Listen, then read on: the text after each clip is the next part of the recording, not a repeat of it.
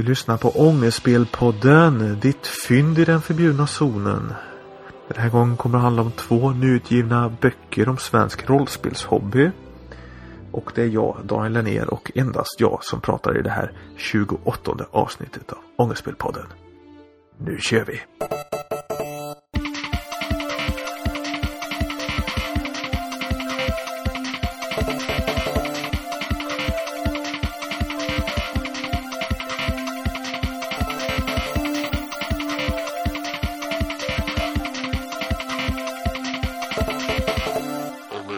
Podden.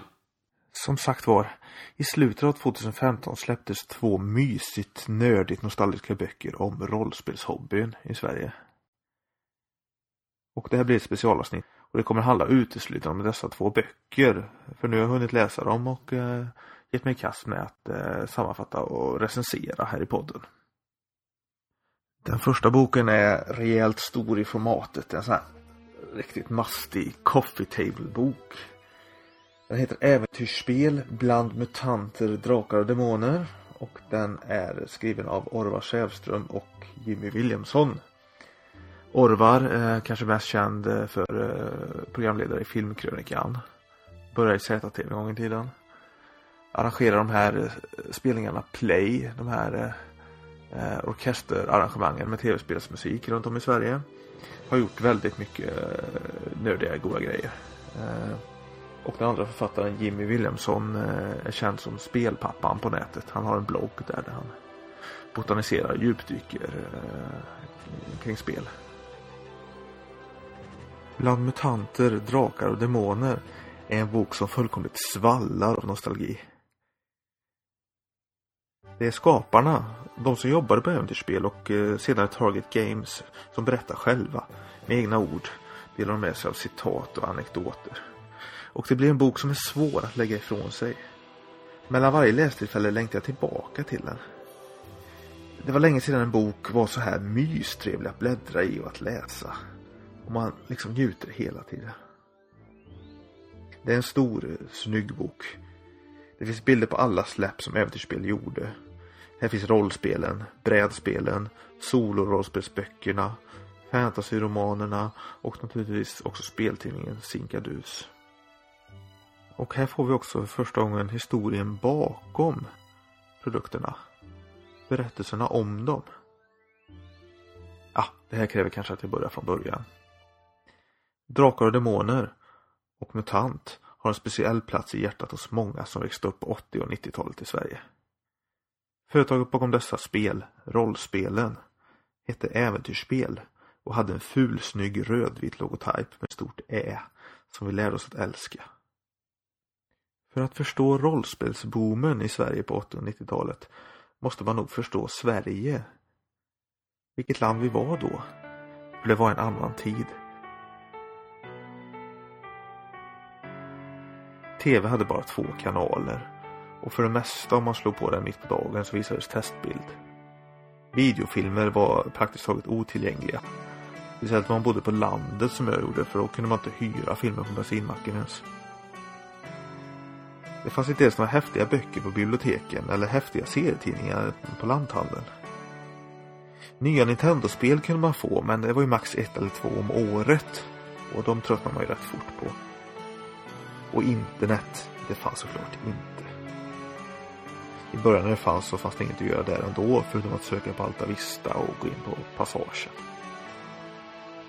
Jag och mina kompisar vi upptäckte rollspelen mitt i allt det där grå som var den här öststaten Sverige som vi bodde i. Det höll visserligen på att luckras upp lite i kanterna kring 1993 när vi började spela. Men utvecklingen i världen hade letat sig fram i ett långsamt tempo till vårt lilla isolerade land i norra Europa. Och speciellt till vår lilla by i Västergötland. Rollspelen var tillräckligt för att skapa en sensation i det karga klimatet. Svartvita små häften med texter och siffror i tabeller kunde faktiskt öppna portaler till andra världar när man var 13 år. Och det gjorde de. Som de gjorde det. Rollspelen var helt enkelt outstanding i fråga om att leverera underhållning. Orvar Sävström skräder inte på orden. Allting var tråkigt i Sverige på 80-talet, säger han. Det, det vet jag inte om det var men eh, ni förstår vart han vill komma i alla fall. Det fanns ingen populär kultur. Sverige var en öststat, en del av Sovjet. Nästan i alla fall. Amerikansk populärkultur var otillgänglig här. Fantasy som begrepp fanns inte. Eh, det var bara Sagan om ringen som fanns översatt i någon gammal eh, dammig utgåva som ingen läste. Jag gillar riddare väldigt mycket när jag var liten och, och medeltid och sånt här men det var det var Ivanhoe och det var Bröderna Lejonhjärta som fanns som låg närmast. Det fanns absolut ingen genre med mycket av liksom den här typen av litteratur. Så Drakar och Demoner kan man säga etablerade fantasyn i Sverige. Dels med sitt spel men också med sin eh, bokutgivning som äventyrsspel senare kom igång med. Då gav man ut Conan och såna här grejer i pocketar. Under äventyrsspels första guldålder såldes deras spel bland vanliga spel i leksaksbutikerna runt om i Sverige. Det var därför man förpackade dem i lådor tillsammans med tärningar som skramlade när man skakade boxen. Det såg ut och kändes som spel helt enkelt. Det låg en strategi bakom att man avstod att ge ut rollspel i bokform som eh, de populära förlagen i USA gjorde till exempel. Ironiskt nog var äventyrsspel själva som underminerade sig själva och sin egen marknad genom att sälja det vuxentillvända Kult genom samma kanaler några år senare. Till en början gick ju det bra naturligtvis.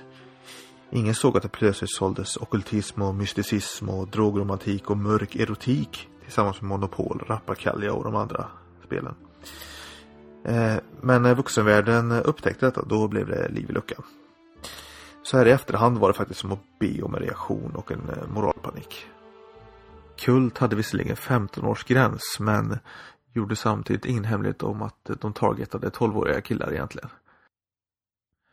Nu när man läser om människorna bakom de här produkterna så finner man att det var mycket mer slö marknadsföringsstrategi bakom än man ville tro. Rollspel var ganska mycket big business där ett tag och det gällde att packa om och sälja ungefär samma sak till samma målgrupp i cykler om ungefär tre år. Kult var bland annat ett sätt att sälja något nytt och vuxet till de ungdomar och barn som hade vuxit upp med Drakar och Demoner och MUTANT och nu var redo för lite eh, grovare grejer. Många av dessa Drakar och Demoner barn var nu 15 plus eller ville vara 15 plus som sagt. Som mycket annat i 80 och 90-talets Sverige så handlar det om att våga göra det där förbjudna. Det där lite för vuxna. När jag läser boken om äventyrsspel så slår det mig ganska fort. Tänk att de där som man idoliserade när man själv var tonåring. De här vuxna som jobbade med att skriva rollspel. I själva verket var de andra lika nördiga tonåringar. Till exempel fick Johan Sjöberg som då var 15 år och gick på högstadiet och frilansade åt äventyrsspel. Främst för att han var ung och driven och skrev sjukt mycket material på sjukt kort tid. En dag fick han ett tjockt kuvert på hallmattan. Det var från Henrik Strandberg på äventyrsspel och det stod ungefär Tjena Johan! Hoppas allt är bra med dig. Här har du 20 schyssta bilder på drakar. Kan du skriva 64 sidor på en vecka tror du? Det, det sjuka i den historien är att han, eh, han gjorde det och äventyrsspel gav ut den här modulboken Drakar till Drakar och Demoner. Med kölddrake, isdrake, skuggdrake och eh, fan vet vad för drake. Eh, och idag när man vet om det så känns det lite att en 15-åring har skrivit det. Vilket det också är. Om man ska drista sig till att vara lite kritisk till den här nästan perfekta boken då. Ordningen på materialet är inte riktigt kronologiskt publicerat. Istället går det spel för spel. Och det, det är väl vad man föredrar där men jag hade gärna sett en kronologisk ett kronologiskt upplägg. Och jag hade gärna läst mer om Sinkadus. Eh, det måste finnas hur mycket anekdoter som helst eh, kring eh, de överlastade fulsnygga omslagen, de knäppa artiklarna och eh, den här eh, brådmogna pubertalstinna läsarkretsen som eh, gärna övertolkade allting och ställde frågor. Eh, Sinkadus hade säkert kunnat fylla en egen bok. Och vem vet, det kanske kommer i framtiden. Jag hade gärna läst mer om Stjärnornas krig. Star Wars-rollspelet som Äventyrsspel köpte in och översatte och gav ut. Det finns en anekdot där att eh, Äventyrsspel fick låna och söp bort och sönder en av Darth Vaders originaldräkter ifrån filmerna. och det är en fullständigt galen och guldvärd anekdot. Samtidigt som den gör ont i själen att läsa om. Jag kom som sagt in i rollspelshobbyn 1993. Och det var precis då som äventyrsspel började anklagas för att spåra ur. Eh, då var det främst Kult och kanske allra mest Mutant Chronicles och de här Doom Trooper-korten som, eh, som var argumentet för att de hade spårat ur. De gamla spelen fanns fortfarande i butik när jag började spela och det var de vi köpte och spelade i första hand men eh, äventyrsspels eller Target Games nya material intresserar oss inte speciellt mycket. Det var ju som sagt fullt fokus på Kult och Mutant Chronicles då. Det ironiska med det är att jag som 13-åring då inte kunde fatta vad äventyrsspel gjorde. Alls liksom. Drakar och Demoner hade de stöpt om till Kronopia och stoppat in hela skiten i en stad som liksom ingen, ingen hade bett om och allting var bara konstigt. Utan Chronicles konceptet fattar jag inte heller. Men det intressanta är att jag nu som 35-åring förstår precis vad de gjorde. De kunde inte plöja på i samma fåror. De var tvungna att hitta på nya saker och att gå internationellt med nya varumärken. Det var en nödvändighet för att expandera företaget och för att överleva helt enkelt. Figurspel, samlarkortspel, sådana spel där man köper nya grejer hela tiden. Det är klart man vill göra sådana spel om man är spelutgivare. Jag kan bara varmt rekommendera äventyrsspel bland mutanter, drakar och demoner. Till er som var med på den tiden. Det är en riktig nostalgifest. Jag förhandsbokade mitt exemplar i höstas på Retrospelfestivalen. Och jag fick hem boken tillsammans med ett brev, en affisch som var signerad och ett klistermärke att sätta på laptopen. Jag fick allt sammans några dagar före julafton. Så att det var, det var årets bästa julklapp till mig själv. Tomten kom tidigt i år. Antagligen var han en isbarbar i röd ringbrynja. Från Vintobsbergen i Barbaria i norra Ereb. Så måste det ha varit.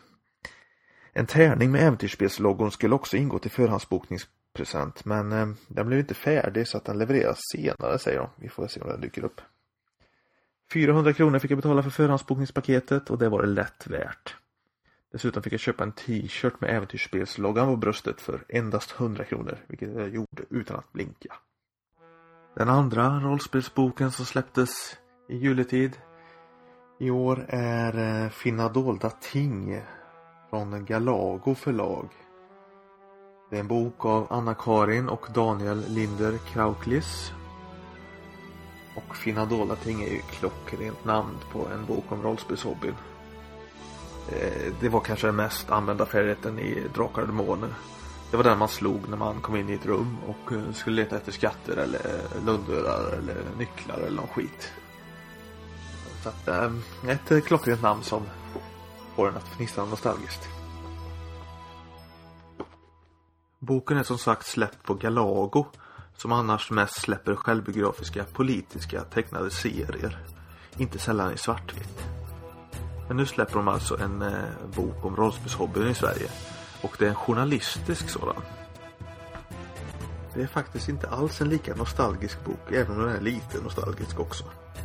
Boken gör anspråk på att skildra rollspelshobbyn i Sverige och eh, visa någon sorts helhetsbild. Från begynnelsen ända fram till våra dagar.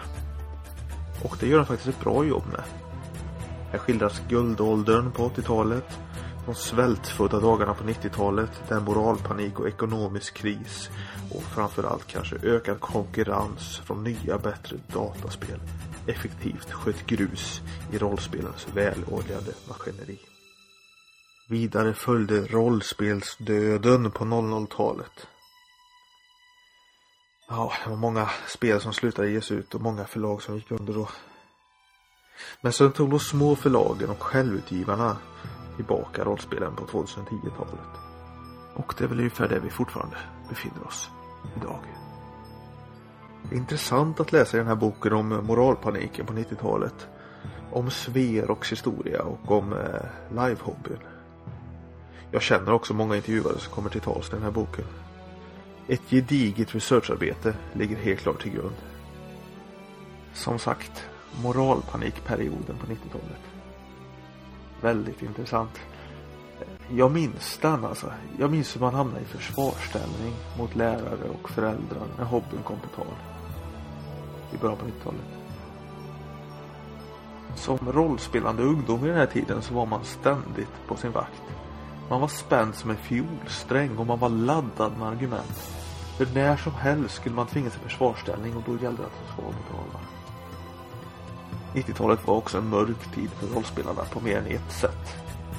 Media drev basunerade ut att vi blev manipulerade och våldsfixerade av det vi älskade.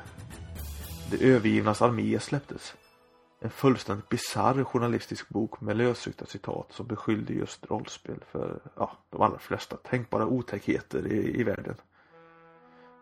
Jag minns citat ungefärligt återgivet nu då. Rollspelare framhåller gärna hur kreativ deras hobby är. Men tänk då på bankrånare. Är inte de kreativa när de planerar sina kupper? Med en sån argumentationsteknik kan man vinkla vad som helst till eh, vad som helst. Så att det övergivnas armé gjorde ingen succé någonstans egentligen. Men den gjorde lite skada i alla fall på, på hobbyn. Och som sagt, spelföretag gick under. Samtidigt blev spelvärldarna mörkare än någonsin. Vampire the Masquerade med sin The World of Darkness satte en ny branschstandard. Allt skulle vara mörkt, allt skulle vara dark and gritty. Samtidigt dök samlarkortsspel upp och eh, live och paintball dök upp som nya hobbys inom Sverok och eh, vi upplevde att de knyckte rollspelare. Att de omvände dem och fick dem att syssla med annat. Ja, 90-talet. En mörk tid som sagt. Samtidigt kan jag sakna den tiden lite. Jag tror att man innerst inne ville känna att rollspel var lite tufft och lite förbjudet. Lite som hårdrock sådär. Hur farligt det sades vara överskuggade liksom lite hur nördigt det faktiskt var. Ingen beskyllde oss någonsin för att vara nördar när vi höll på med rollspel på högstadiet och gymnasiet. Men, men ändå. Det var ju coolare att vara lite farlig än att vara nördig. Jag hade önskat lite mer om eh, fanzinen i den här boken. Och naturligtvis att mitt eget Svennedalsspelet hade kommit med. Och gärna i samband då med den här small press revolutionen som man pratade om i början på 2000-talet. För det var ju med och var pionjärer. Men man kan ju inte få allt. Och i jul har jag fått två väldigt bra böcker om svensk rollspelshobby. Och det är jag väldigt glad för. Jag vet inte om jag blir så mycket klokare av att läsa fina dolda ting egentligen om jag ska vara ärlig. Men å andra sidan är jag kanske mer insatt i ämnet än de flesta. Eh, så att den gemene läsaren kommer säkert få ut mycket av den här boken. Sammanfattningsvis då. Båda de här böckerna är jättebra. Men de är bra på lite olika sätt. Om du är ute efter den oförfalskade skimrande nostalgin och spelade äventyrsspel spel när det begav sig. Då ska du satsa på den stora äventyrsspelsboken. Men om du vill läsa om rollspelshobbyn i stort och är nyfiken på att betrakta den både förr och nu. Då kanske Finna Dora-ting är ett bättre alternativ för dig. Eller gör som jag och köp båda.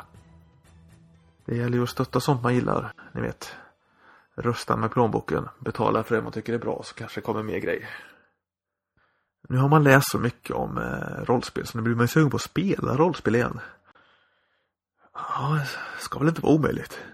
Ångestspelpodden. Då har vi rullat igång ett nytt poddår här för Ångestspelpodden.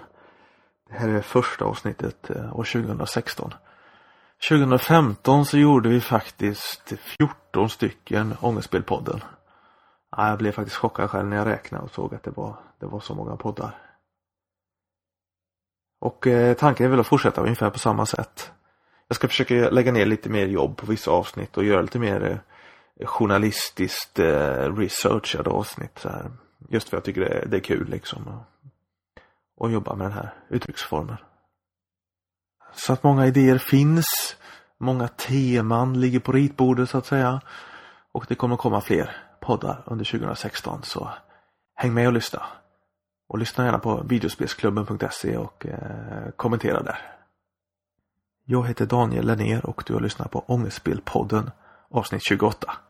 Tack för att du lyssnat. Och kom ihåg att det aldrig är fel att spela kassaspel.